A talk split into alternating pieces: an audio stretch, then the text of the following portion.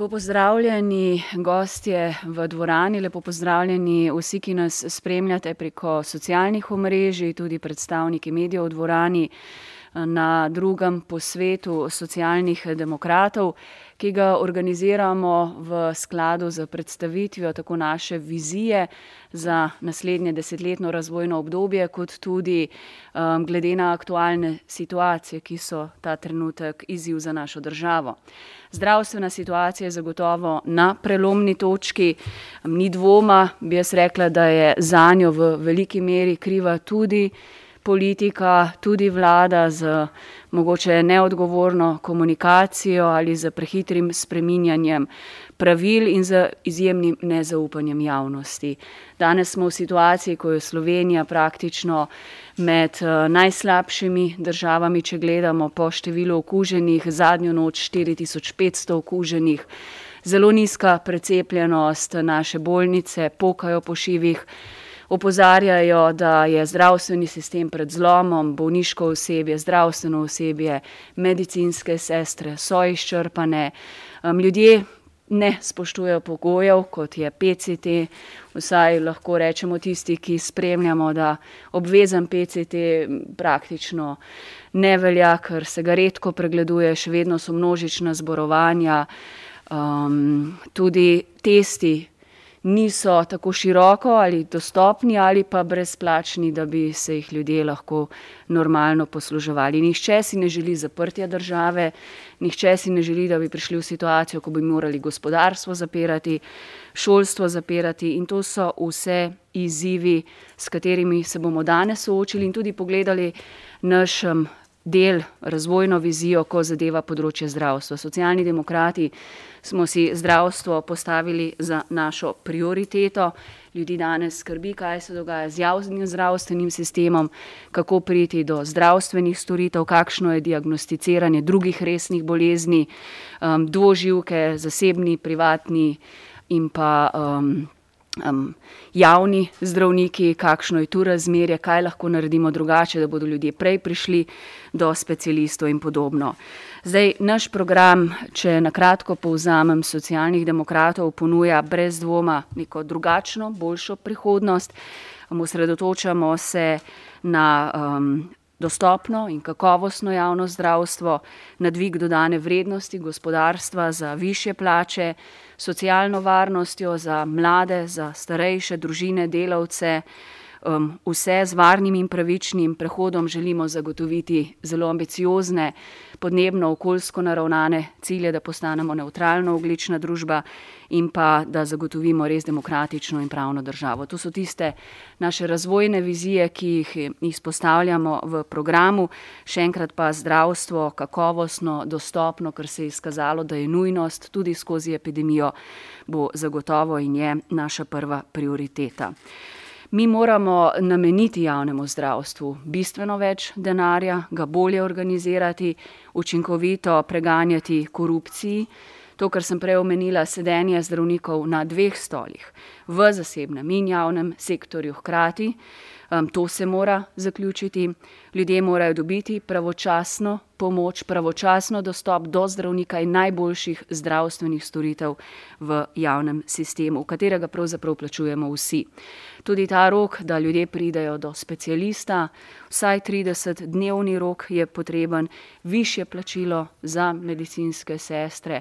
Tu so vprašanja, ali imamo zadosti zdravnikov, kaj narediti, z zdravniškim in medicinskim osebjem. Posebna skrb je tudi namenjena duševnemu zdravju mladih in pa, vlada, če rečemo, jim je res naredila v času epidemije nepopravljivo škodo.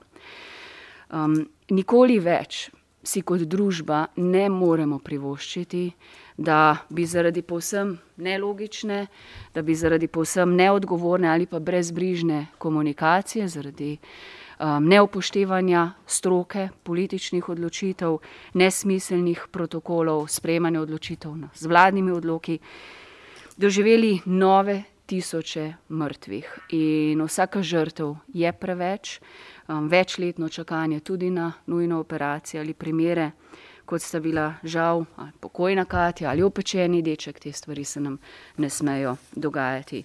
Zdaj, da bi javno zdravstvo ukrepili na raven, da bi bili vsi prebivalci deležni um, dostopa do zdravnika, enakopravne in kakovostne obravnave, moramo najprej seveda razumeti vzroke.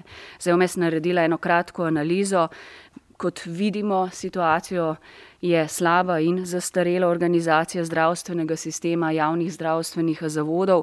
Premalo imamo sredstev ali pa je neracionalna poraba teh sredstev. Nizke so plače medicinskih sester, so sicer COVID dodatki, ampak težki delovni pogoji povzročajo kronično pomankanje kadra. Premalo je družinskih zdravnikov ki predstavlja vstopno točko za dostop za vse javne zdravstvene storitve. Ogrožena je tudi um, dostopnost do kinekoloških storitev na primarni ravni. Čakalne dobe nastajajo tudi zato, ker imamo neustrezen sistem razporejanja denarja glede na potrebe po specifičnih zdravstvenih storitvah, slabšo izkoriščenost opreme in kadra. Dovi, vidimo, ogrožena je dostopnost do pravočasne pomoči osebam, predvsem otrokom in mladim, ki imajo težave v duševnem zdravstvu, stiske med mladimi močno naraščajo. In socialni demokrati imamo načrt za rešitev, modernizacijo slovenskega javnega zdravstva.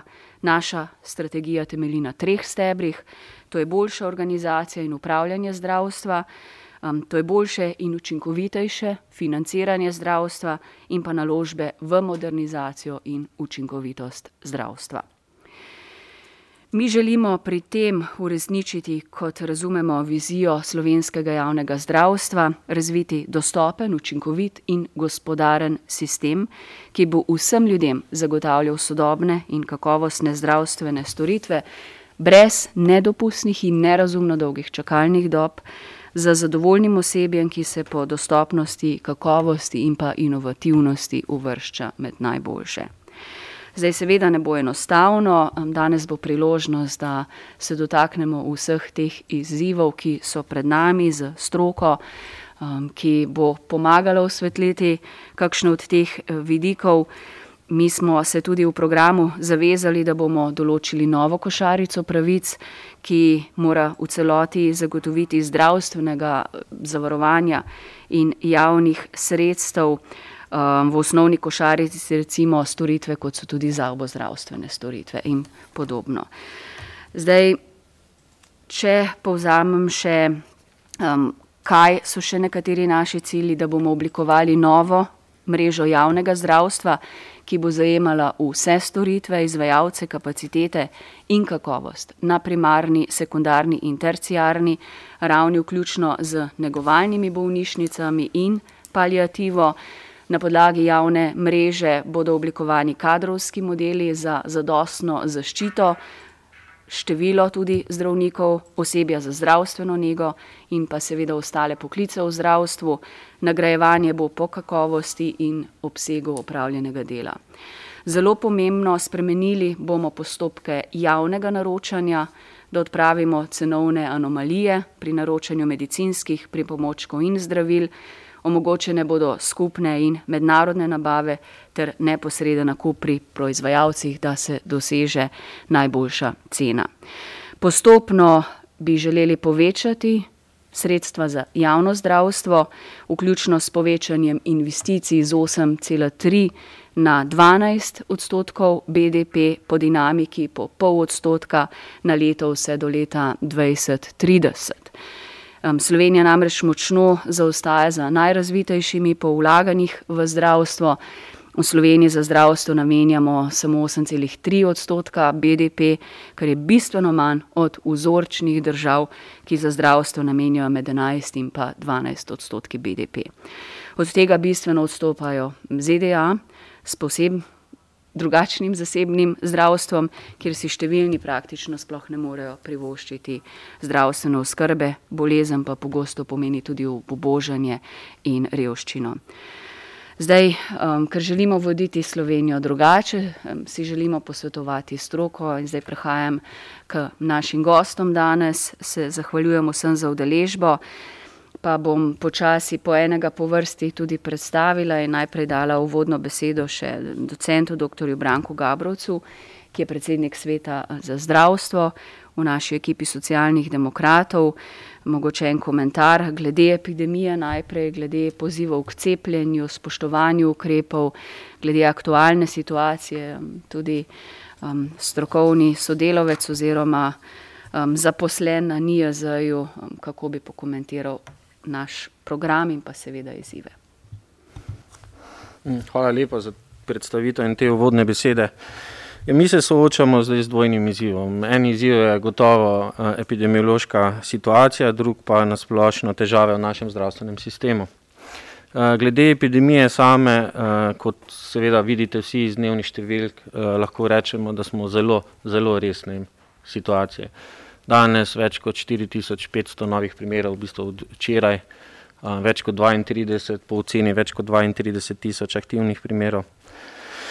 Um, mi smo že tokom te epidemije večkrat opozarjali, res večkrat opozarjali, da so eni koraki napačni. Prvi korak je ta, da je upetost epidemiološke stroke v te odločitve, ki so se sprejemale, veliko premehna. Predsednica je že omenila komuniciranje, na vse splošno pa to sodi v upravljanje te epidemije. In stroka je bila res eh, preveliko krat preslišana um, in žal te posledice danes uh, tudi trpimo. Um, temeljna težava je sedaj seveda zaupanje. Zaupanje, pri, predvsem pri takšnem virusu, ker vidimo, da v času, ko so bile epidemiološke razmere uh, ugodnejše, smo ob takem virusu nekako zaspali. Zaupanja je bilo zelo malo zaradi mnogih spremenjajočih se odločitev, dvomljivih odločitev, nesmiselnih odločitev, zelo militantnega komuniciranja in posledica tega je današnjo stanje. Ukrep, ki bolj ali manj odpravlja epidemijo, to je cepljenje, pri nas ni bil uspešen, kot bi si želeli. Še vedno smo nekje na 53 odstotni precepljenosti. Uh, lahko rečemo, da pri ostalih cepljenih Slovenija v Evropi ne odstopa bistveno, tukaj pa bistveno, bistveno odstopamo. Kaj vidimo, seveda, da je to posledica nezaupanja do tistih, ki nam tak ukrep tudi priporočajo. Uh, in tukaj bi mi še enkrat res pozvali, upozorili, prosili vse, da se prosim cepajo, da se držijo PCT ukrepov, da res pomagamo en drugemu. Nekako po projekciji že v naslednjem tednu računamo, da bomo imeli zapolnjene vse kapacitete na intenzivnih posteljah. Zelo težko si predstavljamo, kaj bomo naredili takrat. Zato uh, danes odločevalce uh, pozivamo seveda, da takoj v največji meri krepijo kapacitete uh, intenzivnih postelj. Uh, nadalje, um, delodajalce k ponovnemu spodbujanju dela na domu, zmanjševanju stikov, seveda uporabo mask v zaprtem prostoru, tako kot tudi mi sedaj. Pozivamo tudi k nadomestilu eh, samo zaposlenim v času karantene in tudi prebivalce k uporabi aplikacije Ostani zdrav. Mogoče toliko za začetek. Hvala lepa, Branko. Predajam besedo Sebastianu Ašem Begerju, zdravniku, pulmologu, vi večino časa preživite tudi na COVID oddelku, pa me zanima, kako vidite situacijo, ki je spet izjemno težka v zdravstvu in kaj se nam dogaja. Lepo pozdravljeni še v mojem imenu. Eh, res je, jaz odkar se je pač to začel, eh, sem pač delam na oddelku, kjer so pač pacijenti s COVID-om. Za prvo, kar moram povedati, sem pulmolog s kar nekaj staža že. Ko se je prvič o tem začel govoriti, noben, po mojem, ni mogel pričakovati, da lahko pride to do takih razsežnosti, do takega vpliva na naš način življenja. Tako da, če te prvo še lahko rečemo, mal, da smo se malo lovili v redu. Eh, kaj me pa recimo zdaj moti? Ne? Eh, šli smo čez prvi val, šli smo čez drugi val, vmes ne bi bil tretji val, zdaj se pripravlja na četrti val. Me moti pa to, ker imamo možnost uh, dokaj dobre rešitve, da do tega ne bi prišla. Ne? Prvo moram povedati, da jaz pač delam v bolnici, da do sedaj, tekom mojega dela, nikoli ni prišlo do tega, da bi sistem uh, dopustil, da kakšen ne bi dubo vse, kar mi mislimo, optimalno zdravljenje. Me pa bojim, se pa bojim to, da, kot ste že sami, eh, kot je že eh, Branko povedal, da številke so zelo neugodne. To tudi zdaj vidim pri vsakem dnevnem delu, da se mi zdi, da delamo res na robu zmogljivosti s prostorskimi in kadrovskimi resursi. Pa bojim se, glede na te številke, ki so, da še nismo prišli do dna, kamer lahko gremo.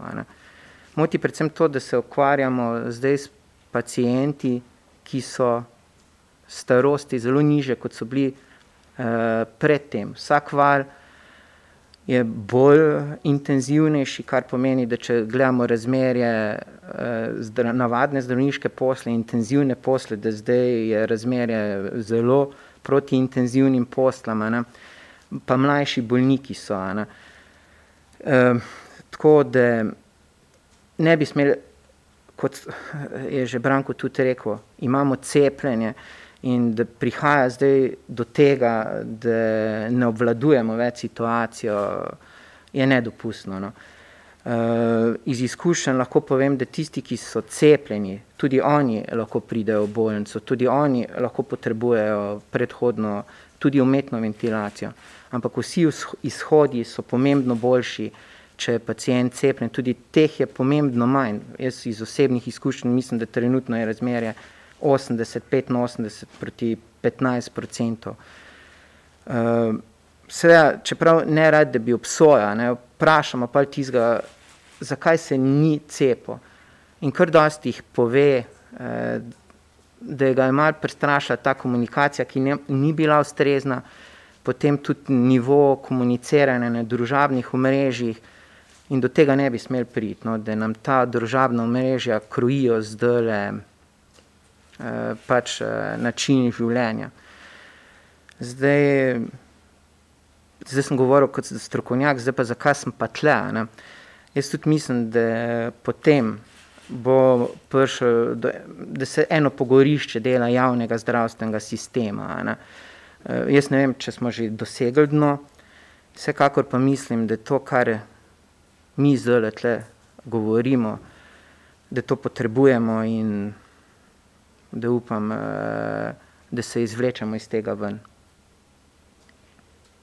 Hvala lepa. Um, pogorišče javnega zdravstvenega sistema se, se sliši um, zelo črnogledo. Zdaj um, Monika Ažman, predsednica zbornice zdravstvene in babiške nege Slovenije, vi zastopate skupino, ki je čustveno, fizično um, delovno pravzaprav med najbolj obremenjenimi v državi. Lahko govorimo o dodatkih, ki seveda vedno ne odtehtajo in absolutno ne odtehtajo te obremenjenosti.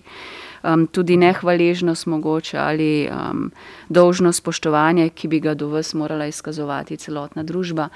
Pa me zanima, kaj medicinske sestre ali osebje pričakuje, da izboljšamo vaš položaj.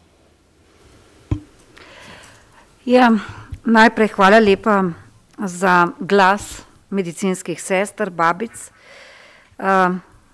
Pravzaprav tudi za glas žensk, ker ne na zadnje je v zdravstvenem sistemu več kot 80 odstotkov vseh izvajalcev smo ženske in kot da bi se v svet pravzaprav zdaj usedel na ramena prav teh žensk, je čutiti v zadnjem obdobju tisto, na kar upozarjamo že 20 let, so pravzaprav neurejene kadrovske razmere na področju zdravstvene in babiške nege. Um, če smo v 15 letih izkazovali z eno posebno metodo merjanja potreb pacijentov, ki pravimo slovenska kategorizacija potreb pacijentov po zdravstveni negi, na bolnišničnih oddelkih slovenskih bolnišnic in tam izkazovali v vsem obdobju od 22 pa do 25 odstotno pomankanje kadra, lahko zdaj z zagotovostjo zatrdim, da vsaka medicinska sestra dela za dva. Eh, Svetovna zdravstvena organizacija je že pred epidemijo s COVID-19 napovedala, da bo na zemeljski obli do leta 2030 primankovalo 18 milijonov zdravstvenih delavcev. Od tega več kot polovico medicinskih sester, se pravi, to je za nekaj krat prebivalstvo Slovenije. Slovenija tukaj zagotovo ni izjema, pravzaprav je morda večje breme na Sloveniji, zato ker je populacija prebivalcev starejša kot kje druge. Prihajamo v tisto obdobje, ko se bomo soočili, da bomo med sedmimi najstarejšimi državami na svetu, in to izkazuje tudi status zaposlenih v zdravstveni negi. Več kot tretjino vseh medicinskih sester, ki so ta trenutek v procesu, je starejših od petdeset let. Se pravi, da bomo v naslednjem desetletnem obdobju deležni še dodatnega naravnega odliva zaradi upokojitve, kar še dodatno, zastrašuje situacijo, v kateri smo danes. Po drugi strani je pa to najlepši poklic, kar si ga kdo lahko sploh predstavlja, zato zaupanje, ki ste ga omenili, pravzaprav dobivamo strani bolnikov vsak dan in tega zaupanja na vsak način, medicinske sestre in babice ne želimo niti zapraviti niti si ga ne želimo izgubiti. In prav zato je osnovni pogoj, da so, da je zdravstvena in babiška nega enakovredno vključena tako v načrtovanje kot odločanje in ne samo v izvedbeno funkcijo. In to je tisto, zdravstvena nega mora dobiti stol za mizo. To je tisto, kar je najmanj, kar pričakujemo. Tisto, kar je bilo tudi že omenjeno, je projekcija kadrov. Eno in edino zadnjo projekcijo kadrov, ki jo je izvedel NIJZ v letu dva tisoč štiri za področje zdravstvene nege, imamo, to je ena in edina v tem tisočletju, se pravi, takoj je treba pristopiti pripravi projekcije kadrov za celoten zdravstveni sistem. In ne zgolj na demografskih podatkih, treba je zajeti potrebe prebivalstva, ki se seveda z demografijo tudi ustrezno povečujejo. Tisto, kar temu sledi, so kadrovski standardi in normativi. Mi še danes, ustvarjamo sistem na kadrovskih standardih in normativih iz leta tisoč devetsto štiriinosemdeset. Ja, obstaja tudi splošni dogovor in ostale zadeve, ke bolj kot ne, krpajo te zadeve. potem digitalizacija, jaz mislim, da je to popolnoma nesprejemljivo, da v državi z dva milijona prebivalcev nimamo enotnega informacijskega sistema v zdravstvu, da smo še vedno prepuščene medicinske sestre peš izvajanjem, napotitev, da se prej izjema kot pravilo, da bi lahko izvajale dokumentacijo o bolnikovi postelji, da se še vedno, ves tim gnete na dveh računalnikih, da, je stvar ne samo v dlančnikih, ampak da je informatizacija tukaj napredovala še bistveno bolj in da temu prvi, ki mora slediti, mora biti zdravstvo. To je neobhodno pomembno, potrebno. S tem bomo prihranili čas, s tem bomo lahko reorganizirali tudi delo in, to so tudi tiste rezerve, jih, v katerih jih pač vidimo. Ja, tisto, kar je, kar je zelo, zelo potrebno, je medresorsko sodelovanje. Zdravstveni sistem je tako kompleksna stvar, da ne more biti sam za sebe, ampak v katerega se morajo vključevati vsi.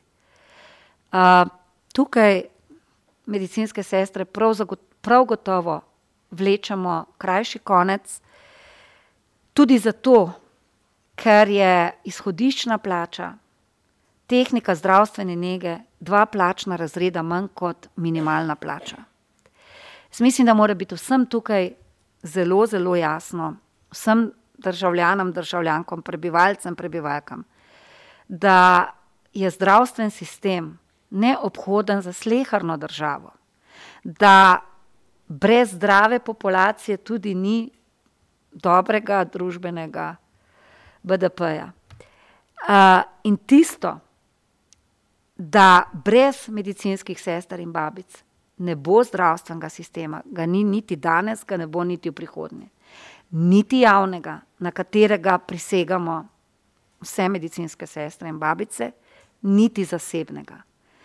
In danes je čas, da, da povrnemo ogled, in ta ogled bo z ustreznim plačilom, in če bo ustrezno plačilo, bodo boljše pogoji dela, in bo krok sklenjen, in bo bolnik dobil tisto, kar mu pripada. Hvala. Hvala lepa. Um, pa bi nadaljevalo od vas, ker ste izpostavili toliko problemov v zdravstvu, glede organizacije, kadrovskih um, in podobno. Prišla do nekdanjega ministra za zdav, zdravje, sama Fakina. Vi ste eden redkih, kolikor je mi poznano, ki se želi pogovarjati o številkah, ne zgolj samo o osebnih vtisih. In zdaj, kakšen je vaš mogoče komentar na to, kar smo slišali glede kadrovske ureditve, glede nezadostnega financiranja, glede izzivov, ki so v zdravstvu, pa mogoče tudi komentar na te dvoživke, ker slišimo večkrat, da je velik problem javno, zasebno zdravstvo, zdravniki, ki delajo pravzaprav in sedijo na dveh stolih. Hvala lepa.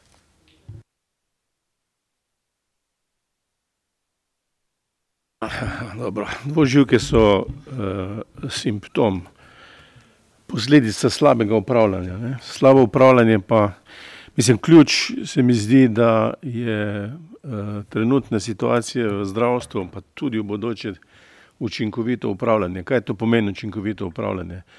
Da imamo dober razvojni strateški načrt na nivoju države, ki ga nimamo, in da imamo dober razvojni načrt na nivoju vsake bolnice ali pa zdravstvenega domova, ki jih tudi nimamo. To je treba seveda spodbujati strani ministrstva, da se zahteva, da imajo bolnišnice neki tasga. In v okviru tega je tudi tako imenovan kadrovski načrt, ne, ki mora pa temeljiti na dejanskih potrebah pacijenta in to zmerjenih, koliko minut dela na dan zdravnika, sestre in vseh ostalih stvari. Ne. V zadnjih mislim, da petih, šestih letih se je to izrazito zanemarilo. E, prišli smo do izrazito političnega e, kadrovanja, se pravi, politika je tista, ki določa, kdo bo direktor. E, in politika odloča, kdo bo nadzorni organ v neki bolnišnici. V bolnišnici, ki sem jo vodil, je bilo leta 96 11 nadzornikov, od tega je bilo sedem direktorjev velikih podjetij iz regije. In tam smo se pogovarjali izključno v, eh, v številkah. Če ga primerjam danes, ne, praktično v tem svetu zavoda nihče ne sedi, ki bi imel kakšne velike gospodarske izkušnje ali pa ki bi bil podpisan pod nek eh, velik projekt. Ne. E, nadzorništvo smo prepustili amaterjem ne, in menimo, da je dovolj, ne, da poslušamo uh, številko o pomankanju ali preveč obremenjenosti ali vsem tem in to ne pod, podložimo s številkami. Ne. Na koncu pridemo do denarja, ki ga državljani zberemo in s tem denarjem se plača zdravstvene storitve. In te morajo biti kvantificirane, koliko minut, ur in koliko ta minuta, ura stane. Jaz sem že večkrat rekel, da nimam nobenih težav z plačami nikogar v zdravstvu. Treba jih bo pa vezati vsaj v enem delu na eh, storilnost oziroma koliko kdo naredi. Če potegnem paralelo z zasebnim eh, zdravstvom, tam se približno tako plačuje in tam direktor skrbi, da so vsi zaposleni razporejeni na učinkovito delo. Ne, da zgolj pridejo v službo, in tam so, ampak da učinkovito delajo. Nekdo za to skrbi. Ne, danes se mi zdi, da velik direktorjev v bolnišnicah od te odgovornosti beži. Zato, ker če jo poskuša uveljaviti, ni dolgo direktor, ker se eh, pride do notranjega, eh, do notranjega opora. To ni sam, sam, simptom samo v Sloveniji, ampak praktično se s tem srečujem zelo v Srbiji, kjer predavam direktorjem bolnišnic, je nekaj podobnega, brez načrta, brez vodenja politično eh, kadrovanje in stalna potreba po več denarja. Ne. Imamo denarja premalo. Ne bo dovolj, če rečemo 12% denarja za zdravstvo moramo dati, s čimer se jaz strinjam, ker imamo določene stvari pod, podhranjene, ampak če ne bomo učinkovito vodili sistema in učinkovito vodili bolnišnic z profesionalnim direktorjem, ki ga bomo eh, zbrali na podlagi znanja in profesionalnih kriterijev, Eh, potem eh, bo isto. Pred petimi leti približno sem odšel iz Zavoda za zdravstveno zavarovanje, ki je imel takrat dve milijarde pa pol eh, denarja, danes ima tri pa pol milijarde in imamo strahovito dolge čakalne dobe, imamo nezadovoljne medicinske sestre, nezadovoljne zdravnike, ne. kljub temu, ne, da smo v preteklosti, saj za bolnišnice, število zdravnikov povečali za 48% v bolnišnicah, medicinskih sester pa skupaj za 34%, ampak tukaj pa v škodo srednjih medicinskih sester. Te smo pa znižali za 20 odstotkov v bolnišnicah. Dodali smo kader, dodali smo denar, eh, se pravi, dva vira sta in če sedeš kriple, je treba pogledati v, treba pogledati v organizacijo in jo profesionalizirati.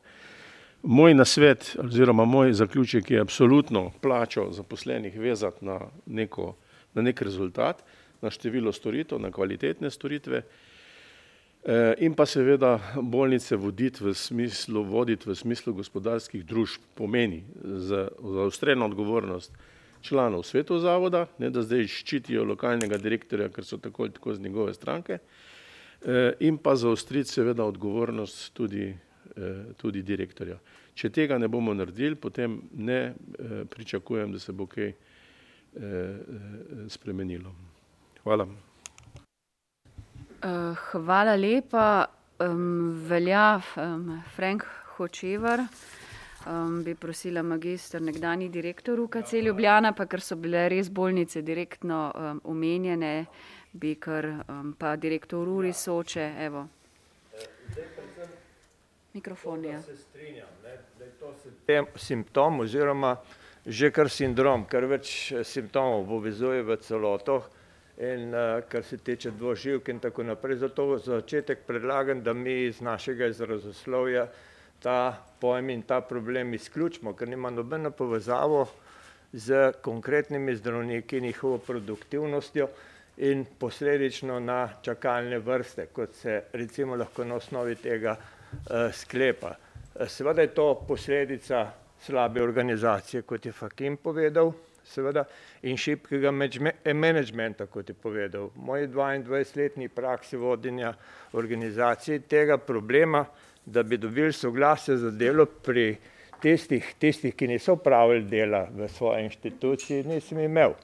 Uh, zato uh, mislim, da je ta učitek, ne, dvoživki glede na zdravnike, ne, pravzaprav uh, nekoristen, ne njim, ne nam kot uh, politični stranki, ki se uh, uh, zauzema za nek konsistentni sistem. Zdaj, a jaz povem da se pa več ne oglašam. Ker se, imam, se mi zdi noter po tem protokolu vprašanje v zvezi s starostjo in staranjem. Ne? In, uh, zdaj, moramo se zavedati, da gre 85% sredstev v zdravstvu za tiste, ki so starejši kot 65 let. In 90% uh, za od teh za tiste, eh, eh, za, eh, za tiste ki um, za stroške umiranja ali pa za stroške v zadnjem letu njihovega življenja. To pomeni, da je sistem treba, to se pravi strokovno in organizacijsko, prilagoditi tem dejstvu. Programsko se pa ta uh, zdravstveni sistem vprašanjem staranja, to ni problem, to je pač civilizacijska pridobitev, ni, ni prilagodil pravzaprav z ničemer. Bom navedel zelo konkretno, kar sem že večkrat rekel. Ne. Recimo kronična obolenja. Najbolj banalno znotraj tega sta dve zadevi, kronična bolečina pa inkontinenca. Kdo se pa še s tem ukvarja? Pa to je problem, ki eh, doleti 90 odstotkov populacije. Sicer v kasnejših letih, ampak temu problemu se je treba posvetiti. Druga stvar, paliativna oskrba, jo je nekaj, pa popolnoma nerazvita in institucionalna, eh, nepokrita. In uh, v to vstopa vedno več ljudi v svojem končevanju življenja in seveda je takrat najbolj ranjeno dostojanstvo uh, človeka. Tega tudi v našem programu je zelo malo in bi moglo biti več pozornosti temu posvečenju, prav zaradi tega, ker so, smo večinoma bolni stari, hvala Bogu, kar je normalno. Z iztekom življenja se tudi stroški tam nalagajo z iztekom življenja je treba tudi skladno z ugotovitvami stroke program prestrukturirati in temu prilagoditi. Ne. In a, naslednja stvar, ki pa sploh ni pokrita in se uh, izvaja amatersko, je pa zaključek življenja. Ne bom trdil, da je to zdravstveni problem, ampak je splošen človeški problem, ki ga moramo ravno tako upoštevati kot dejstvo, kateremu moramo posvetiti veliko pozornosti. Mi hospic programov nimamo, so amaterski, so zelo lokalni, neorganizirani. In v tej situaciji umiranja se pravzaprav pojavi vsak človek in ni dosti, da imamo za to na razpolago sam pogrebne zavode. Ampak je treba še kaj drugega storiti, tudi zaradi tega, ker je zaposlenost univerzalna družine in se temu problemu ne sme posvečati. No, če pa sklenem misel, kar se tiče prestrukturiranja zdravstva, je treba pa povedati tudi to, da nimamo razvite gerontologije in geriatrije, to je stroka. Ne? Tega sploh nimamo. Celo nimamo v učnih načrtih in programih niti ne za medicinske sestre, eh, ma, malo omenijo, ne? Eh, niti na medicinski fakulteti ne. To je pa v bistvu znanost, stroka, ki je včasih bila v Sloveniji, pa so nekateri od preteklih ministrov eh, edino stvar, ki so jo naredili, edina bolnica za gerontologijo na Trnovem ukinili. To je slabo. In to moramo tudi mi v svoj program. Če pa sklenem zdaj misel, je pa bio pa takole. Če prva stvar, ki sem povedal, prestrukturiranje. Uh, to se mora zgoditi. Programov in prilagoditi Eh, eh, populacijskim okoliščinam, demografskim dejstvom, ki so, ki so povezani z vprašanjem staranja in starajoče populacije. Druga stvar, nujno obvezno, če hočemo pravilno striažirati in funkcionirati sistem, je, da se iz 12 odstotkov osnovna zdravstvena dejavnost poveča na 30 odstotkov in da se tam izvaja tudi ustrezna specialistika, ki bo pri roki, kajti ta je avtomatično trikrat cenejša kot pa na sekundarnem nivoju. To je, to je dejstvo, ne? lahko komu razložim tudi, zakaj je to tako. In tretja stvar, da ne bi preveč uh, uh, uh, razmišljal, vsaka tema bi zaslužila še posebno pozornost, je pa nujno potrebno, ne vem, če boste soglašali, upam, da me boste vsaj razumeli, sistem je treba harmonizirati v bistveno širšem uh, geografskem prostoru. Portfelj 2 milijona ni ustrezen za razvoj stroke, niti ni ustrezen za organizacijo in izvajanje programa. Mi smo preveč občutljivi uh, z mejnimi priložnostmi in izzivi, kar se kaže v pomankanju kadrov, To pomeni večje plače, vse ostalo, ne več kadra in podobno. Zakaj na Avstrijce sem hodil, pa naše odjetje. In seveda eh, zadeva tudi problem eh, od odliva eh, zdravnikov. Ne. Če ne bomo dosegli neke harmonizacije sistema v širšem prostoru, mi zdravstva z kadrovskega, organizacijskega vidika ne bomo no, nikoli obledovali. Za začetek, pa da res zaključim, je pa treba odgovoriti, kaj mi mislimo, kaj je to javno zdravstvo. Ne? Ne bomo zdaj odpirali diskusije, ker ne bo časa, imamo dve izhodišči, ampak kot pripomoček za odgovor na to vprašanje je pa naslednji, ki ga najdete v literaturi, zlasti v management literaturi, pa tudi v doktrini, recimo je pa to, upoštevati prvi izhodišče je, kaj je dobro in koristno za pacijenta. Brez pomisleka. Drugič, kaj je dobro za tiste, ki to delo upravljajo. Če ne bo dobrega razpoloženja v tem stresnem okolju, pacijent ne bo zadovoljen. To je povezano z empatijo organizacije in tako naprej. In tretje, ali je to dobro za institucijo, znotraj katere se to dogaja. Brez predpostavke, ali je taka ali drugačna. In četrto, šele, ali je to dobro za prihodnost in razvoj sistema. Naš program in pogled je pa ravno obraten. Mi razmišljamo, kaj bi bilo v sistemu in pozabljamo temeljne premise, recimo, kako v bistvu oblikovati sistem. To so pomožna vprašanja pri diskusiji o tem, kaj je javno zdravstvo.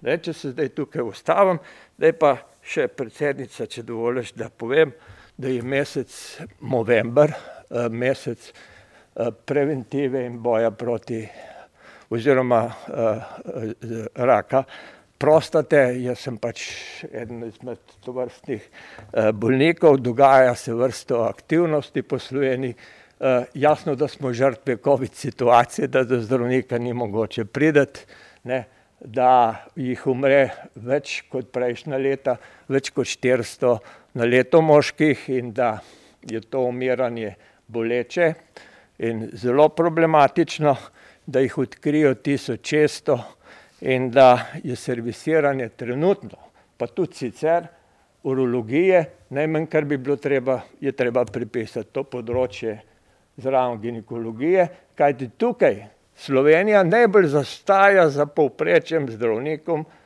v Evropi, po podatkih.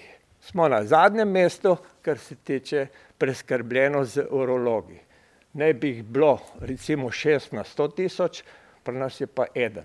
Ne, oziroma pri nas je šestdeset urologov, petindvajset specializantov, ok, uh, in mogli bi jih biti pa sto dvajset, pa nek štirideset specializantov. Zdaj seveda, ko je tukaj bi se dalo še uh, mnogo uh, povedati, ampak imel sem dve temi, ne, november pa še to, kar sem bil vprašan, pa sem priložnosti zdravo. Hvala, hvala lepa. Franc, veliko tem je bilo načetih, jaz mislim, se bomo k njim še v nadaljevanju vrnili od slabega menedžmenta, upravljanja do zdravnikov, ki sedijo na dveh stolih, bi želela, da se k temu vrnemo do meseca boja proti raku, kjer tudi jaz sem bolnica s krvnim rakom, kjer vemo, da skozi COVID ni bilo veliko diagnosticiranja resnih bolezni ali pa ljudje niso prišli k zdravniku. Ampak zdaj bom pa vseeno iz te starejše generacije prešla na mlajšo generacijo, ker še en izziv, ki se je skozi COVID um, pokazal, pa je, da je med mladim izjemno narasla stiska um, duševno zdravje se slabša, to je generacija, ki bo imela posledice.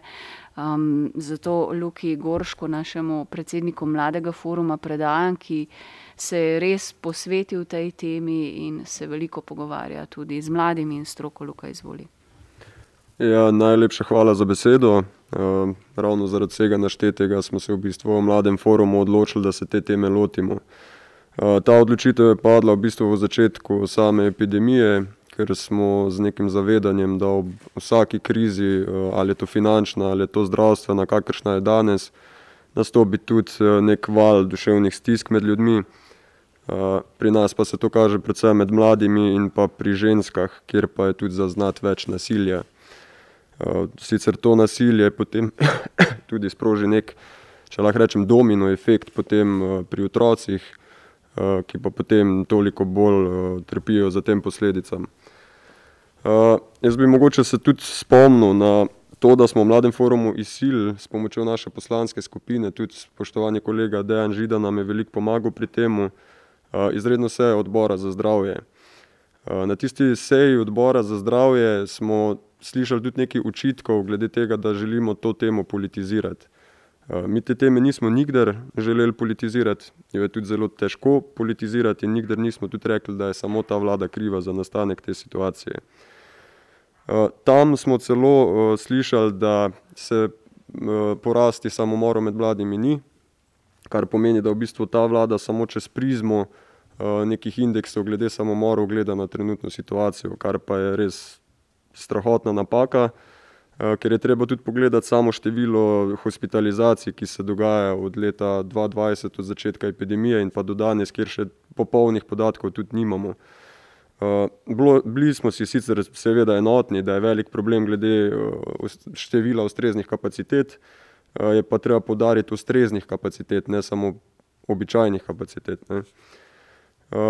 Zdaj, kljub slabemu stanju ima Slovenija že zelo, eh, zelo dober izdelan priporočilni dokument eh, in pa načrte za reševanje problematike duševnega zdravja. Eh, problem je sicer povezan z neposluhom političnih strank skozi leta za samo implementacijo predlaganega programa in pa posameznih rešitev. Program je kot nacionalni program, ki naj bi reševal zadevo 2018 do 2028. V njem je pa med drugim tudi načrt vzpostavitve 25, 25 centrov za duševno zdravje otrok in pa mladostnikov.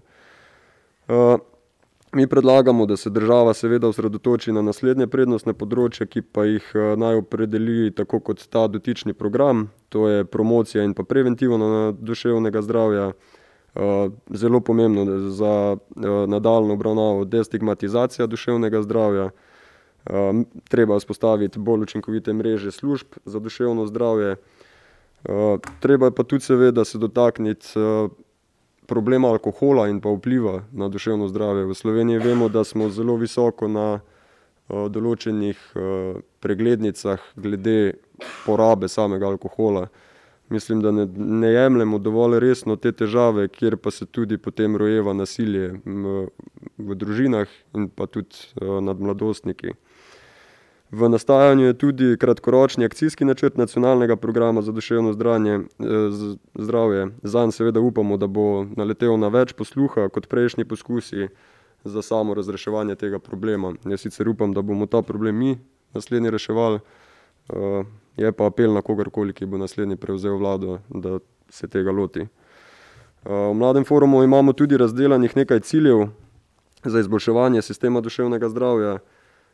Seveda pregovorno vemo, da dolge čakalne vrste, slaba preventiva in pa pomankanje kadra, ki pesti slovenski zdravstveni sistem, so največji izzivi na področju duševnega zdravja, tako kot v celotnem zdravstvenem sistemu.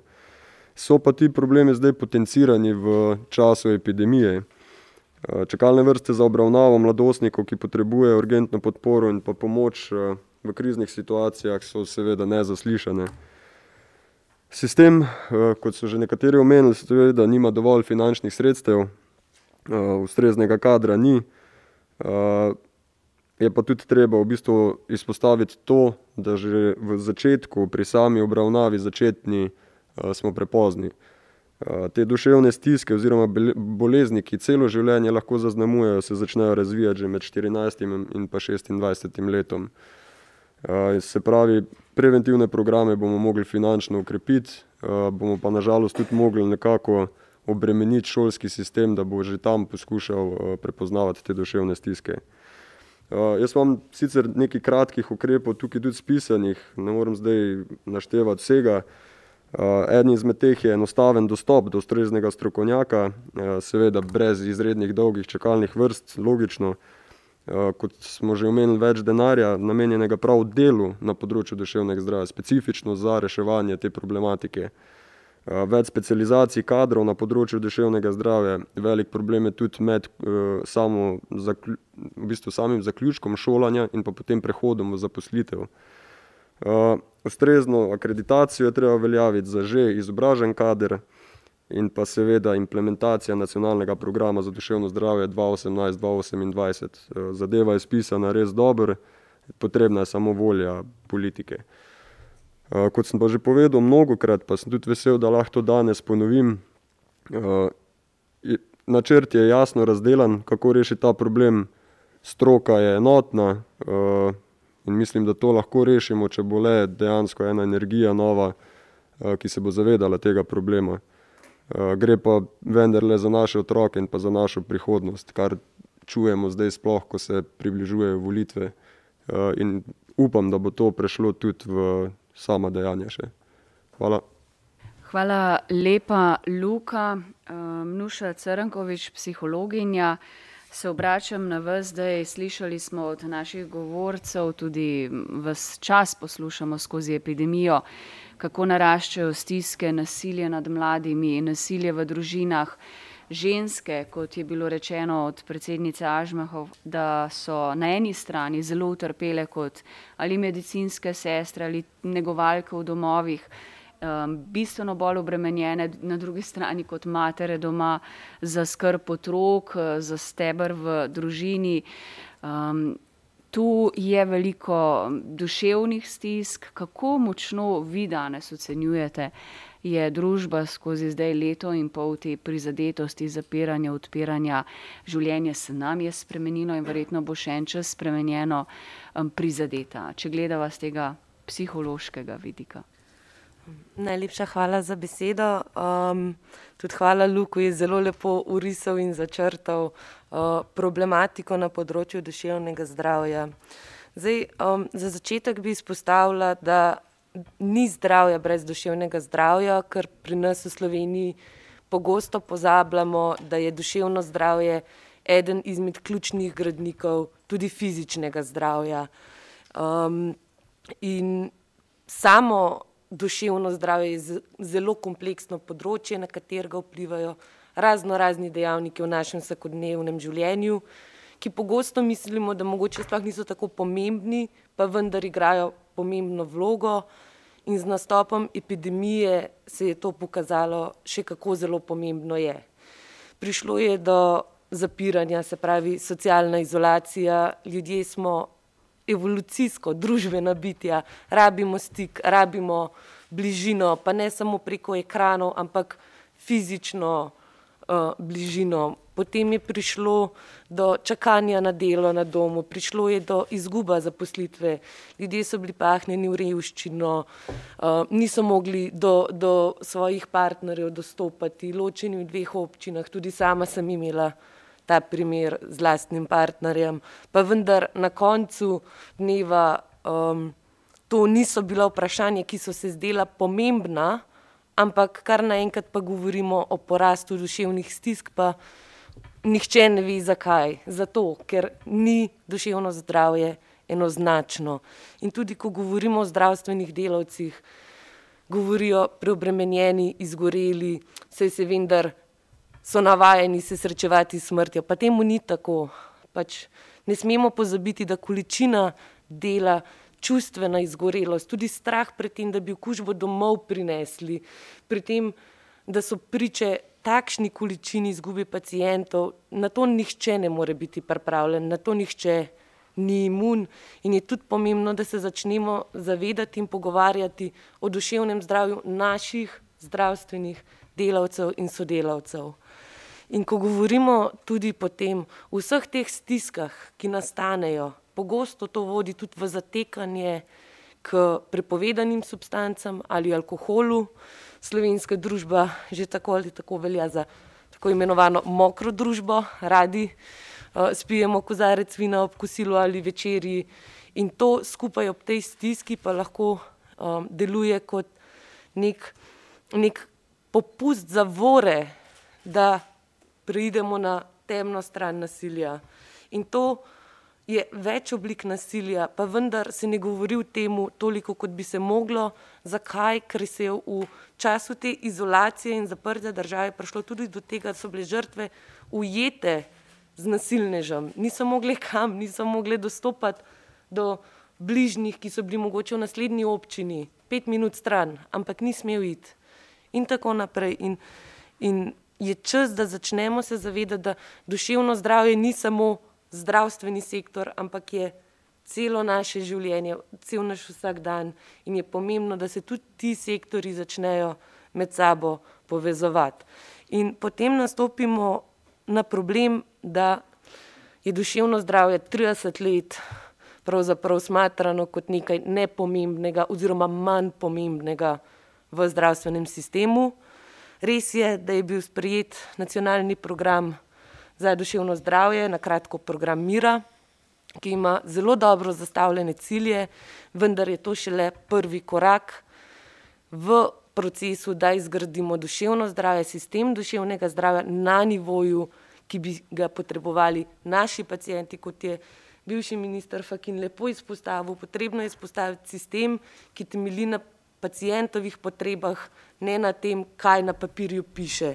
Mi na papirju ta trenutek imamo lep sistem, fajn sistem, pa vendar po OECD-ovih podatkih 88% pacijentov nima izpolnjenih potreb zaradi nezmožnosti dostopa do tovrstnih storitev. Se pravi, nekaj ni ok. In tudi, če pogledamo, leta 2020 smo imeli 96 specialistov klinične psihologije. 96. V letu 2021 jih imamo nekaj več kot 100, pa vendar to je čisto, čisto premalo. Potrebno bi bilo prenesti specializacijo kliničnih psihologov na državno raven, ne da je to vezano na zdravstvene ustanove, katere morajo potem tudi gledati, ali bom specializiral kliničnega psihologa ali bom dal denar za to, da bom imel še dve dodatne medicinske sestri. To ni pošteno, ker tukaj potem barantamo in se odločamo med potrebami pacijentov, katera potreba je bolj pomembna. In tukaj ni kompromisov. In potem pridemo tudi na, na to, kot je rekel uh, magister Hočevar, vezano na cenovno razporejanje financ, primar ali terciar. Pri nas je še vedno terciarna oskrba, se pravi hospitalizacija oseb z duševnimi stiskami, previsoka in se ne znižuje skladno s priporočili Svetovne zdravstvene organizacije. Le dve sta znižali čas hospitalizacije v letu 2020, kar je tudi velik problem. Krepimo primarno, pa tudi znotraj samega znotraj sistema duševnega zdravja. Dajmo se povezovati primar, sekundar, terciar.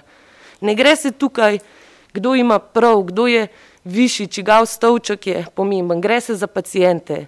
Zgubljamo perspektivo, kdo je glavni v zdravstvu. Pacijent je v spredje, ne mi, ne naša služba v smislu pozicije, temveč oskrba pacijenta. In če se potem navežem še na um, samo epidemijo, kaj je tukaj storila, je to, da je bilo v letu 2020 čakalna doba tudi do 15, od 15 do 17 mesecev za kliničnega psihologa, danes je to grozovito. Ljudje se obračajo na nas, sprašujejo, kam naj gremo po pomoč, ne pridem niti z napotnico na vrsto. In ni razumno, kako do danes, če vidimo, da je tak porast, ni prišlo neke resne finančne injekcije na področje duševnega zdravja, kjer bi lahko kader, namesto da nek, ponekod so dejansko psihologi in, in drugi uh, sodelavci na področju duševnega zdravja merali telesno temperaturo na vhodu v zdravstvene ustanove. Mislim, in, in namesto da bi prerasporedili, dal denar, razširili programe, omogočili jim telemedicino in tako naprej, se daje denar za šestmesečne kratke programe, neke preventivne promocije, kar pa na tej stopni ni več dovolj, ampak rabimo konkretne in, in izrazite korake v to smer. Hvala. Hvala lepa. Um, zdaj jaz predlagam, če se strinjate, gospod Fakin, da zaključimo ta krok vseh govorcev še z um, magistrom Dejanom Židanom, da zaključimo spet s politiko aktualno. Dobro je bilo slišano, prej mislim, da je Luka rekel, potreba je tudi volja politike. Zdaj, um, um, Dejan Židan, tudi sicer moj predhodnik, je strašno aktiven na področju zdravstva. Um, ves čas zasipa vlado in za poslanskimi vprašanji, pobudami. Um, nekaj dni nazaj smo predstavili skupaj osem predlogov, kako reševati aktualno situacijo. In bi um, dejan tebi dala besedo, verjetno je veliko komentarjev že na tej točki za vse, kar je bilo povedano. Draga Tanja, spoštovana predsednica, hvala za besedo. Tudi vso spoštovanje za organizacijo tega resnično zelo nujnega posveta. Dovoli in dovolite pa mi, da na začetku neobičajno pričnem kot poziv vladi in vladajočim, da naj ne pustijo ponovno starostnikov v domovih za starejše občane na cedilo. To namreč pogosto rečemo, da so največja žrtev COVID-a v Sloveniji bili mladi resnici obstaja še ena večja žrtev. To so bili starostniki v domovih za ostarele, ker se je vlada napačno odločila, da naj domovi služijo kot neka oblika pseudobolnišnic. Niso imeli primernih kadrov, niso imeli primernih prostrojev, niti približno niso imeli primerne opreme. Ni to bila edina vlada, ki je tako naredila, čeprav so nekatere vlade pa naredile tako, da je v korist starostnikov bilo urejeno in tiste vlade niso beležili nepotrebnih smrtnih žrtev. Zakaj danes ta poziv? Zato, ker ob tem, da je precepljenost v domovih zelo velika, se je potrebno zavedati, da cepivo je potrebno, je učinkovito, vendar ne zaščiti v celoti. In trenutna ocena je, da 75-letnik, ki, ki je cepljen, je bistveno bolj varen in zaščiten ampak je v tem trenutku primerljiv z 50-letnikom, ki ni bil cepljen. Torej bo potreba takoj v bolnišnice, ne zadržujte jih več v domovi za starejše občane. Kot drugo pa, ko govorimo o javnem zdravstvu in ta naš program da pravilne odgovore, govorimo o dveh stebrih govorimo o javnem zdravstvu skozi financiranje, to si tudi ti, Frank, na nek način povedal. In tisto, kar se moramo zavedati, javno zdravstvo pomeni solidarno financiranje. To pomeni, več imaš, več boš prispeval, manj imaš, manj boš prispeval. In to solidarnostno načelo mi skozi prispevke že imamo uvedeno. Tisto, kar se pa treba zavedati, je, da govor o dopolnilnem zdravstvenem zavarovanju pomeni pa razgradnjo solidarnostnega načela ker tam pa ni več principa, več imaš, več boš prispeval, ampak vsak bo prispeval enako tisti, ki je zelo reven in tisti, ki je zelo bogat. In zato je naše zauzemanje, da se tudi dopolnilno, ki je tako in tako obvezno, ponovno vrne. Imeli smo že poslanske poizkuse in jaz posebno verjamem, da v naslednji sestavi parlamenta nas bo dovolj predsednica, da bomo s tem tudi uspeli. In ko govorimo o javnem zdravstvu, pomeni tudi zadostno financiranje iz integralnega proračuna, tu ima Slovenija velike rezerve in tu bomo šli korak naprej. Drugo je pa javno zdravstvo skozi izvajalce. Mi moramo dosti pošteno povedati, v Sloveniji trenutno imamo 27 bolni, bolnic, bolnišnic, ki so glede na lasništvo državne. Imamo 27 državnih bolnišnic in dosedanji pristop, imeli boste na razpolago več zdravnikov, več medicinskih sester in več denarja, zato boste lahko naredili več. Ne bom govoril o kakovosti, zato ker naše zdravstvo javno v državnih bolnišnicah je kakovostno, tudi v tem trenutku, bilo je tudi v preteklosti, ampak sistem, damo vam na razpolago več zdravnikov, več medicinskih sester, več denarja, ne deluje. Eh, kot primer vam povem, eh, samo ti si govoril o odstotkih, dovolite, da govorimo o številkah. Pred 15 leti smo imeli v 27 slovenskih državnih bolnišnicah, mislim, da 2700 zaposlenih, zaposlenih zdravnikov. V tem trenutku jih imamo približno, rečem v tem trenutku, pomeni leto 2020, današnjih podatkov nimam, jih imamo približno 4100, to je prirast za slabih 50 odstotkov. Pred 15 leti smo imeli v slovenskih državnih bolnišnicah 8100 eh, medicinskih sester različnih nivojev izobrazbe, sedaj jih imamo 11 tisoč. Torej je to prirast, mislim, da 34,4 in kot davkoplačevalci in kot državljani bi upravičeno pričakovali, da se bo naredilo več. Nažalost, sistem brez organizacijskega posega ne gre v pravo smer. In Vkolikor relativno hitro ne spremenimo organizacije, bo v bistvu dodatno povečevanje kadra in denarja vodilo v bistvu v dodatno razgradnjo, v resnici v razgradnjo javnega državnega bolnišničnega sistema, ker ljudje čez čas tega več ne bodo želeli financirati.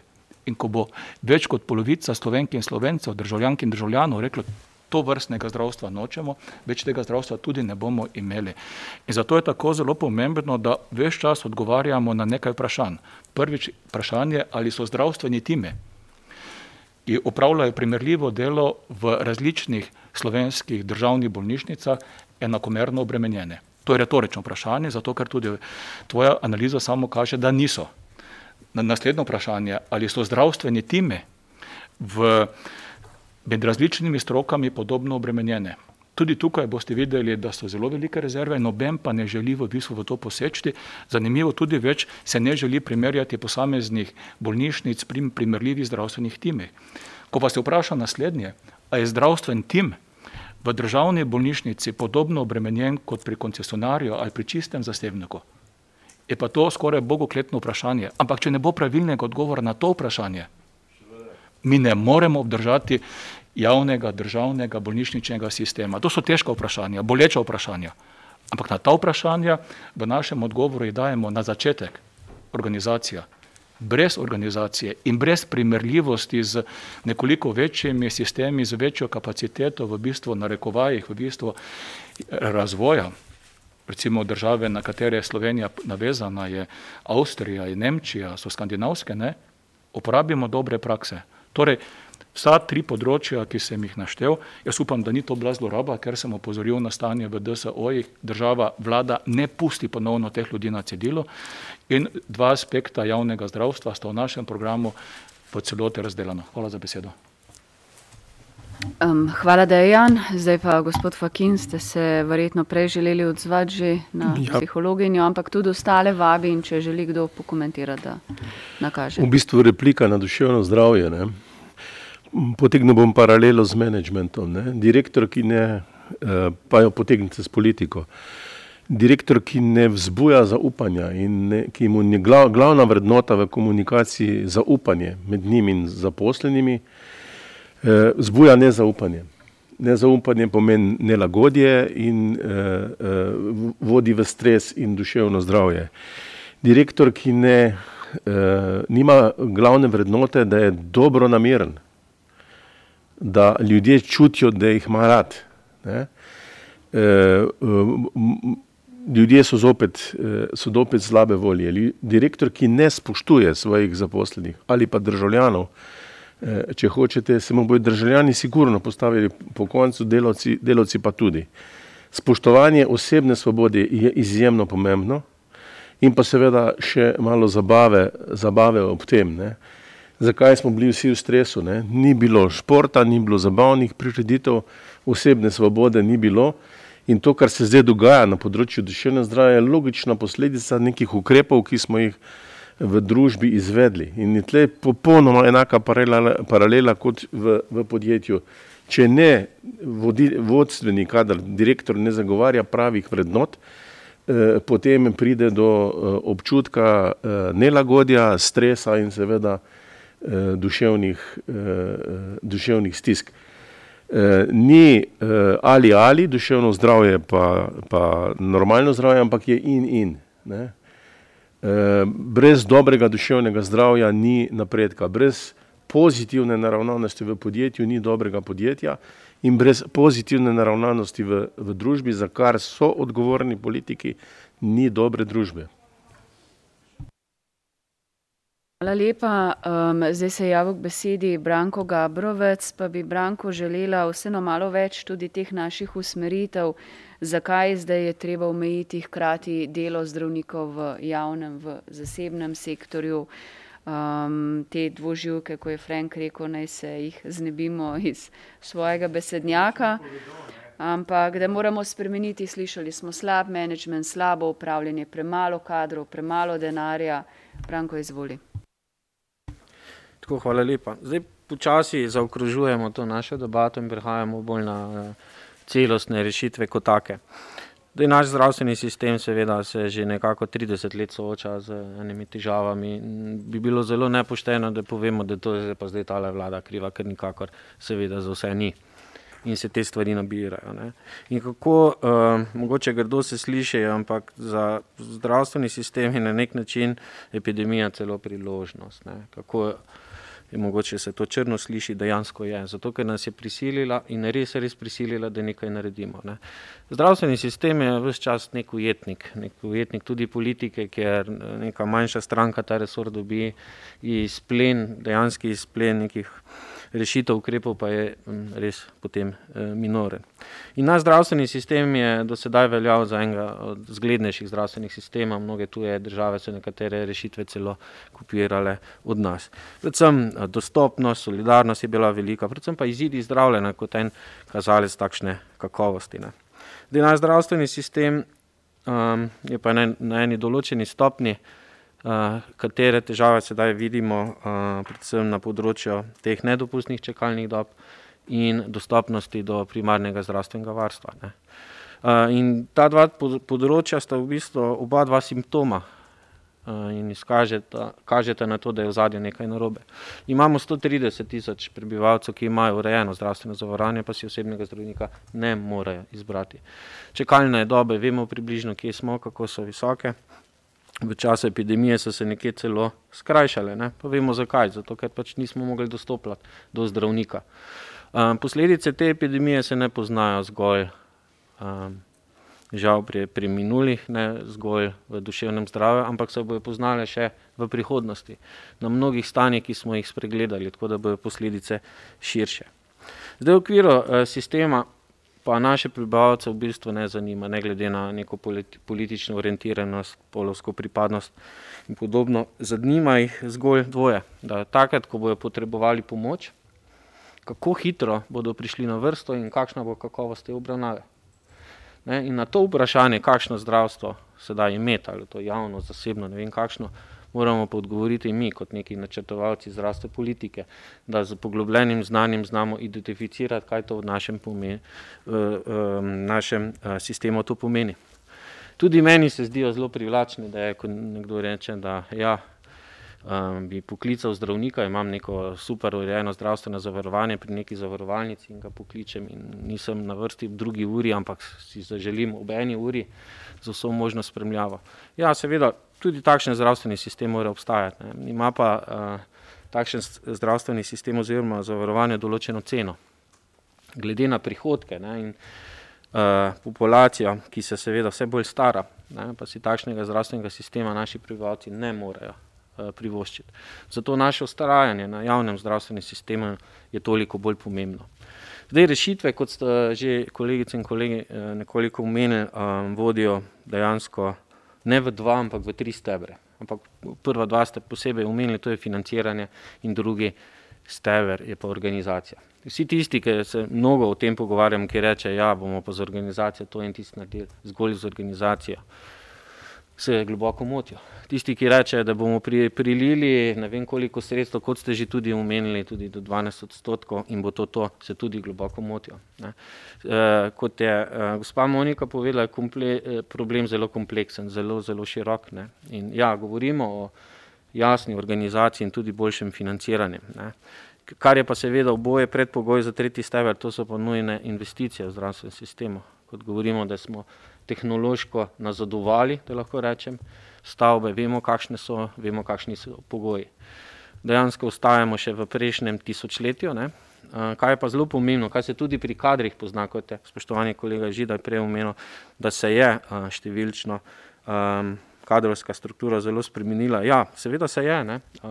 nekje smo zaostajali, predvsem pa imamo um, zelo spremenjene potrebe. Naša populacija se stara, Ne? Vse več je kroničnih bolnikov, multimorbidnih bolnikov, tudi način zdravljenja se spremenja. Vse več je potrebe po zdravstveni skrbi, po zdravstveni negi in podobno. Zdaj, um, mi smo se v zadnjem letu, mislim, da kar dobro organizirali v okviru našega sveta za zdravje. 80 plus strokovnjakov in potem razdeljenih več skupin smo nekako pripravili ta zdravstveni program, ki seveda, kot sem omenil, temelji na teh treh stebrih. Ne. Znotraj pa seveda pripravili ukrepe, tako več e, ukrepov, govorimo o šestih jasnih ukrepih, tako sporednih kot tudi zaporednih. In prvi je seveda ukrep, kjer se dotikamo čakalnih dob. Ne. Smo rekli, čakalnih dob kot takih, um, lahko rečemo, da ni zdravstvenega sistema, ki nima čakalnih dob in moramo to odkrito in pošteno tudi povedati. Ne.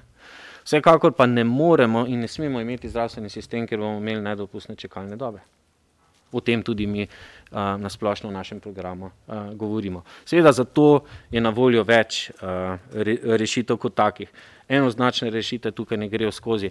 Na kratko pa lahko rečemo seveda, da so v dveh skupinah. Ene so seveda resursi, to so viri, ko govorimo o finančnih virih, se pravi plačevanje vseh storitev, ki bi bile upravljene. Nekje so seveda tudi že in seveda v kadrijskih virih. Kot je ko, ko, kolegica Monika omenila, uh, medicinske sestre, tako govorimo o zdravnikih, o kadrovski mreži na ravni uh, cele naše države za vse zdravstvene profile. Tudi mreža javno zdravstvene službe pri nas ni prenovljena in je stara dejansko že 30 let. In seveda drugo, druga točka je pa organizacija sistema, kako to poteka, tu je pa jasna odgovornost zdravstvenega menedžmenta. Več moči in seveda zato tudi več odgovornosti. Kaj se dogaja, primerjava, benchmarking in predvsem spremljanje kakovosti, ki je v ozadju. No, naslednji korak so seveda odzivi eh, na akutne težave, ki jih seveda mi eh, sedaj imamo. O težavah na področju zdravstvene nege smo že govorili to, uh, da se soočamo s takim pomankanjem, da medicinske sestre zaradi osebnih prijemkov raje nam zbežijo za um, blagajno v trgovinski center in mislim, da za nas um, izjemno sramotno. Težave na področju seveda družinske medicine in tako uh, dalje. Seveda izboljšanje upravljanja in odgovornosti vsodi na področju menedžmenta kot takega, ta je tisti temelj, ki lahko na področju organizacije seveda naredi največ.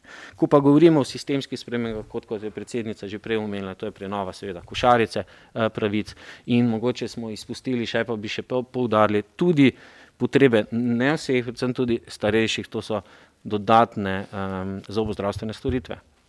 Kam lahko vodi zdravstveni sistem, ko gremo na področje privatizacije, vidimo ravno na področju zobozdravstvenega sistema kot takega.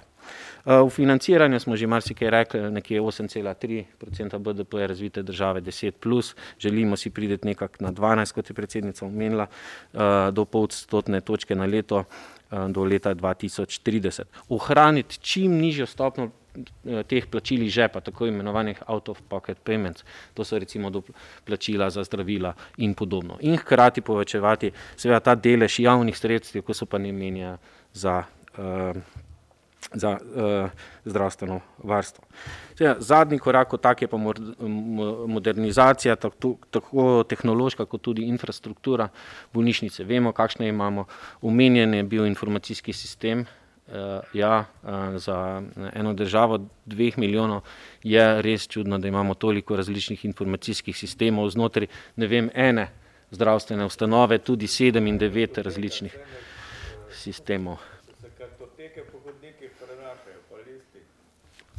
Nadalje je zelo pomembno, seveda, načrtovanje te mreže v okviru modernizacije, skladno z potrebami, kot jih imamo sedaj, in potrebami prihodnosti. Tukaj je bila omenjena tako področje palijative, kot negovalnih bolnišnic in podobno. Seveda, zdravstveni sistem kot tak, jaz ne rad govorim o reformah, ker lahko nekateri to narobe razumejo. Reforma včasih pomeni, da gremo v popolnoma nasprotno smer. Zato raje uporabljam termin resna posodobitev našega sistema. In tukaj seveda smo se mi zavezali, da to tudi storimo. Zdaj še, še mogoče na vprašanje tako imenovanih dvoživk. Ne. Tudi sam priznam, da je ta termin mogoče ne najbolj ustrezen, meče izredno slabo luč tudi na kupico zdravnikov, ki pa odlično upravljajo svoje delo in s tem nimajo niti malo upravka. Ne. In, in tako se popolnoma strinjam, kot uh, magistr Hočevar pravi, da je to zgolj eksces kot kaj druga. Je pa predvsem to naloga menedžmenta kot takega, upoštevanje korakov, kot smo jih že v programu načrtovali, v bistvu to anomalijo ali pa eksces tudi na tak način odpravlja. Mogoče toliko. Hvala lepa.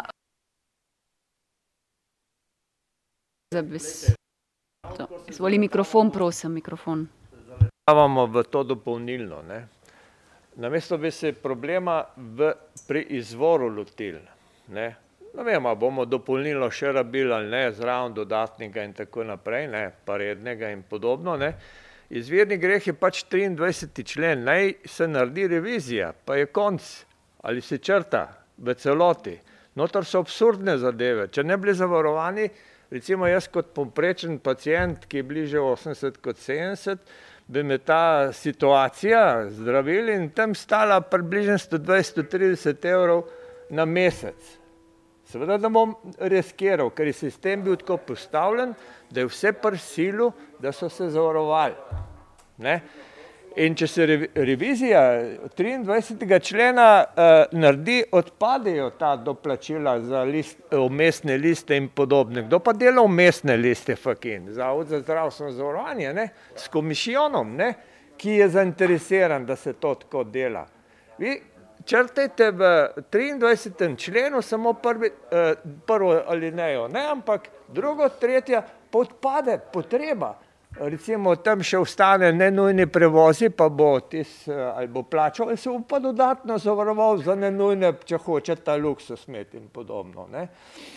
Hočem reči, da dajmo zadeve bolj izvorno gledati, ne, ne površno in površinsko. In se lotevajmo zadev tam, kjer so. Ne. Jaz, če delam revizijo 23. pa nisem strokovnjak, nisem zdravnik, ne. 90% po moje logiki kot uh, starejšega človeka odpade tam, ne pride v poštev, si, jaz se jih lahko prvoščil, ker imam večjo penzijo. Ampak večina ljudi ne, ker materialna osnova starejših ljudi, ki so v 90% potrošniki zdravstvenih storitev, ne morejo nič plačati, ne, ker imajo pač 600 evrov. Temeljna značilnost je starih ljudi upokojencev je ta, da so to najbolj materialno ogroženi in da imajo in da je med njimi največ pod pragom revščine ljudi. In druga, da so oni bolni, kar je v redu, da so oni, da niso mladi. E, no, to ja. je izvor, skratka, gre za izvoren pristop problemov. Ne. Hvala lepa. Um, Frank, zdaj izvorno bi jaz rekla, da se vsi strinjamo, zdravje za vse pomeni, da je bolnik v uspredju. Uh, da moramo pacijentu zagotoviti možnost do zdravljenja in možnost do najbolj modernih načinov zdravil in podobno. Tudi jaz sama imam izkušnjo iz javnega zdravstvenega sistema, če ne bi bila del javnega zdravstvenega sistema, tudi približno 10-20 let nazaj, ne bi mogla si privoščiti tarčnih zdravil. Nihče. To so stroški, cene, ki so nemogoče za kogarkoli. Zato je plačuje iz dopolnilnega. Zato, ne, ne, drugače gre. Vem, ja. uh, zdaj jaz predlagam, javila se je za besedo naša psihologinja Njuša Crnkovič, pa mogoče s tem tudi sklenemo, mislim, s kakim komentarjem, ker smo proti koncu našega razgovora tudi na strategijo, ki smo jo zastavili. Jaz mislim, da vsaj boljše upravljanje, več financiranja, investicije v zdravstvo, da se s tem nekako vsi strinjamo, ampak kak dodaten komentar bo dobrodošel, Nuša, izvoli. Najlepša hvala. Um, jaz bi se navezala naprej uh, pri samoplačniškem, predvsem na psihoterapijo, uh, ki pa je tudi velik problem poleg čakalnih dob zaradi neurejene zakonodaje na področju duševnega zdravja. Tukaj govorimo predvsem o potrebi novelacije zakona o duševnem zdravju in pripravi dveh novih zakonov o psihološki dejavnosti in o psihoterapiji, ker bomo šele na ta način lahko zagotovili kakovostno in učinkovito strokovno pomoč. Hkrati pa je potem potrebno pripraviti tudi kazalnike, kjer bomo merili, kako učinkovite in kakovostne so storitve, ki jih izvajamo, in ne zgolj samo, kako hitro smo nekoga odpustili iz uh, hospitalizacije uh, in tako pogledali dolgoročno na njegovo zdravje. Hvala. Hvala lepa. Um, naslednja um, se je javila k besedi Monika Ažman, predsednica ja. zbornice. Izvolite. Ja. Jaz bi se pravzaprav navezala na, na te mlade, na perspektivo, na budučnost. Uh, mislim, da sta oba uh, mlajša predstavnika tega omizja izpostavila preventivo, uh, vlaganje v človeške vire. Preventiva je zagotovo najcenejša tukaj, pa ne bo, da ne bo zvenelo, da zdaj pa tukaj pristavljamo svoj lonček medicinske sestre. Zagotovo smo pa znotraj zdravstvenega sistema tiste, ki na področju uh, zdravstvene vzgoje, preventivnih dejavnosti, promocije zdravja dobimo največ znanja tekom našega izobraževanja. In jaz se strinjam, da je treba poudark uh, bolje preprečevati kot zdraviti, to je pa zelo stara zadeva. Tisto, kar je pa naša skupna odgovornost, pa mislim, da je to res lepa priložnost tudi za tem omizjem, je pa vzgoja nas vseh, vzgoja za prave vrednote. In uh, mislim, da je zdravje tista, poleg življenja, najvišja vrednota. In tukaj zagotovo mora biti ta osnovna košarica toliko bogata, da bo vsakomor zadovoljeno pravica do zdravja, pravica do, do tega, da pač tudi vsem pod pragom revščine, da nikogar ne zapustimo. Ja, dolgotrajne oskrbe se nismo dotaknili, uh, to je tisto, kar je pravzaprav v naši demografiji naša prihodnost. In ja, starejši so ranljiva skupina, tako kot otroci, ne smemo zanimariti prav nobenega. Eh, mladi, na mladih svet stoji, na, na njih se moramo nasloniti, seveda moramo negovati tudi tisto, kar so nam dali starejši, tako da zagotovo ne bomo a, eh, pustili nikogar v socialno-varstvenih zavodih. A, eh, Vam zagotavljam, da smo tudi v času prvega in drugega vala v teh domovih za starejše dali vse od sebe, kar se je dalo, mogoče premalo, kad celo izpostavili ta naš del, ta naš vidik. Um, ja, priložnosti pa so. Ne bi želela polemizirati, katerih uh, profilov medicinskih sester imamo v sistemu več in katerih manj. Dejstvo je, vložek v ljudi je en in edini pravi vložek. Sredstva za post-covidno ukrevanje bo dobila tudi naša država, znotraj tega tudi zdravstvo. Jaz samo želim, da so ta sredstva pravilno razporejena, usmerjena ne samo v zidove, da so usmerjena tudi v ljudi. Ker nam ne bodo koristile niti zidovi, niti ustrezne sofisticirane diagnostične naprave, če ne bomo imeli ljudi, ki imajo dovolj znanja, da jih znajo upravljati. Ja, osnovno je znanje in še enkrat to, in uh, čas je, da temu namenimo več pozornosti in več denarja. In v zadnjem letu in pol smo ta delež zagotovo zelo zanemarili. In to ni dobro in se nam bo poznalo. In ja, optimistično naprej, če bomo gradili prave vrednote in solidarnost, je prava vrednota zagotovo prej kot kapital in v zdravstvu še nikoli ne bi smelo biti dobičkov, tako so mene učili že dolgo desetletji nazaj. Um, ja, mislim, da je to tista tovarna, ki proizvaja zdravje in ne kapital. Hvala. Hvala lepa, gospa Ažman. Bi izvala še um, gospoda um, plumnologa, um, zdravnika Sebastiana Ašenbergerja. Smo pod črto na pravi poti. Hm, uh, jaz zdaj predvsem poslušam zdaj le vrh bolj izkušene, pa vrh bolj pametne iz, uh, od mene, uh, ki so bolj seznanjeni o tem rečem. Te ogorodje našega zdravstvenega sistema. Jaz bi pa sam zaključil uh, eno misel.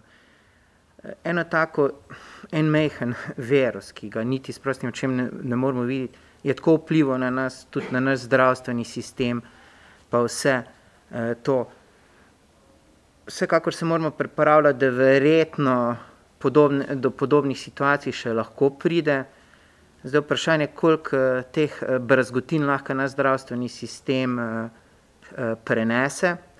Vsekakor ga moramo graditi naprej. Zelo všečno je bilo, kar je rekel magister Hočevar. Ne? Zakaj mi ne stremimo tem, da bi Avstrici hodili k nam, ne pa mi k njima. Tak, da, res k tem moramo stremeti, pa nimam kaj druga za dodatno. Sam, jaz sam upam, da da bomo še to bolj gradili, ker eh, ta situacija je pokazala, da je trenutno edino kvalitetno javno eh, zdravstvo se zmore spopasti s tem, eh, spopasti s tem tudi meni, tudi iz svojega okolja vidim, da to, da sestre odhajajo za, v področna cent, centre, trgovske centre, da je to popolnoma v tem času nespremljivo in da mora biti res hudo, da do tega prihaja. No. Da nekaj res tle ne štima, uh, čisto redo, pa upam, da bomo znali mi dobro na to odgovoriti. No. Hvala lepa. Bi še kdo želel za konec um, zaključno misel pokomentirati? Mm, Dejan Židan, izvoli. Hvala. Jaz mislim, da danes smo dejansko dosti povedali. Prvič, medicinske sestre si zaslužijo boljšo plačo. Poglejte, to, ko pogledamo našo zdravstvo, je to aksijom in to je treba urediti. Upam, da bodo pogajanja, ki sedaj končno potekajo po mnogih letih, da bodo uspela. Drugič, ne pozabimo, v času epidemije lahko epidemijo razumemo kot priložnost. Dve stvari smo se naučili. Prvič, samo državne bolnišnice so nas prevzele breme pomoči res zelo bolnim ljudem. Samo državne bolnišnice. Imamo jih samo 27 in ko se pogovarjamo državno zasebno v času krize, državne bolnišnice, zelo malo suporta drugot je bilo, so vso breme nase prevzele. In kot tretje, ugotovili pa smo, da organizacijsko moramo narediti naprej. Ne več po občutkih, primerjave znotraj timov, med timi, med različnimi bolnišnicami. In te tri stvari, ki sem jih sedaj omenil, dajo rezultat v doglednem času. Hvala. Hvala lepa, še izvoli Franc. Res je, da so državne ne? in v takih kriznih situacijah lahko le en tak sistem parira vsem tem problemom. Ampak po drugi strani je pa resnica tudi ta, ki meni ni všeč, ampak je, da so 30% več dela opravili rednika, ki ga niso javne državne službe, ker so se posvetili zgolj COVID-u, koncesionarji in zas, ne, In seveda so opravili pomemben del dela, ki ga ni ta sektor. To dejstvo je treba preprosto poštevati in ko razmišljamo v sistemu, ga moramo postaviti, da bo komplementaren tudi z drugo priložnostjo. Če izhodišče postavimo, izhodišče pacijent in njegova stiska, potem je to izhodišče. Hvala lepa. Še ena replika, potem gospod Fakin. Uh, ja, mogoče bi bilo da dodatno. Ja. Eh, da vam Frank misli, da govorimo, saj mi dva eh, isto govorimo. Ne? Eh, v bistvu jaz ne govorim proti koncesionarjem. Pomembno dejstvo je, da v tem času na nekaterih področjih nas koncesionarji rešujejo.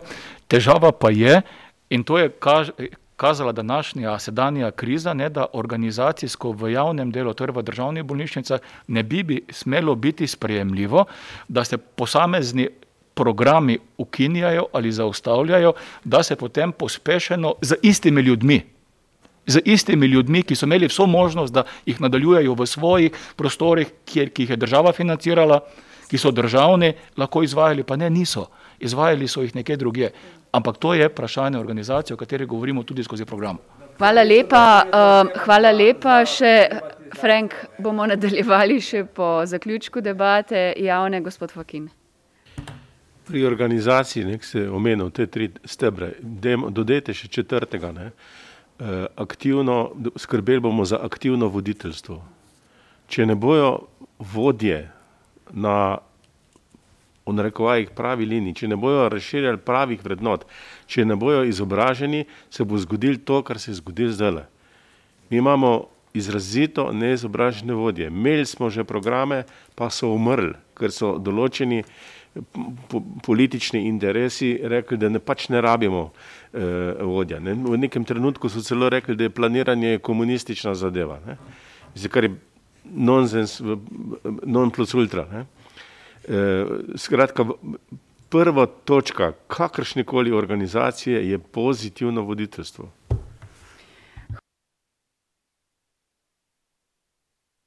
Pričujem, ja, hvala lepa. Mislim, da smo zelo koristno zaključili to našo debato. Veliko je še zapovedati. Jaz mislim, da smo slišali tudi, kar ste vi rekli, da je zdravje temeljna pravica, pravica vsakega izmed nas, da pride do zdravnika, da si želimo ohraniti solidarnost in pa nadgraditi kakovost javnega zdravstvenega sistema. Torej, vse skupaj nas čaka veliko izzivov, veliko dela. Um, v mislih pa imamo seveda vse pacijentke in pacijente. Um, zaključila bi ta naš drugi posvet, ker smo na pragu um, četrtega vala epidemije um, da še enkrat apeliram na vse državljanke in državljane, spoštujmo, um, vedimo se čim bolj samozaščitno, spoštujmo ukrepe, ki jih predlaga stroka, um, poslušajmo strokovnjake, znanstvenike, ki nam svetujejo, da se cepimo in ravnajmo čim bolj odgovorno do sebe in pa seveda do svojih. Najbližjih zdravje je največ, kar imamo. Jaz vam vsem lepo zahvaljujem. Um, in upam na sodelovanje tudi vnaprej, tudi vsem, ki ste bili z nami na spletu in do naslednjega slišanja, gledanja, lep konec tedna.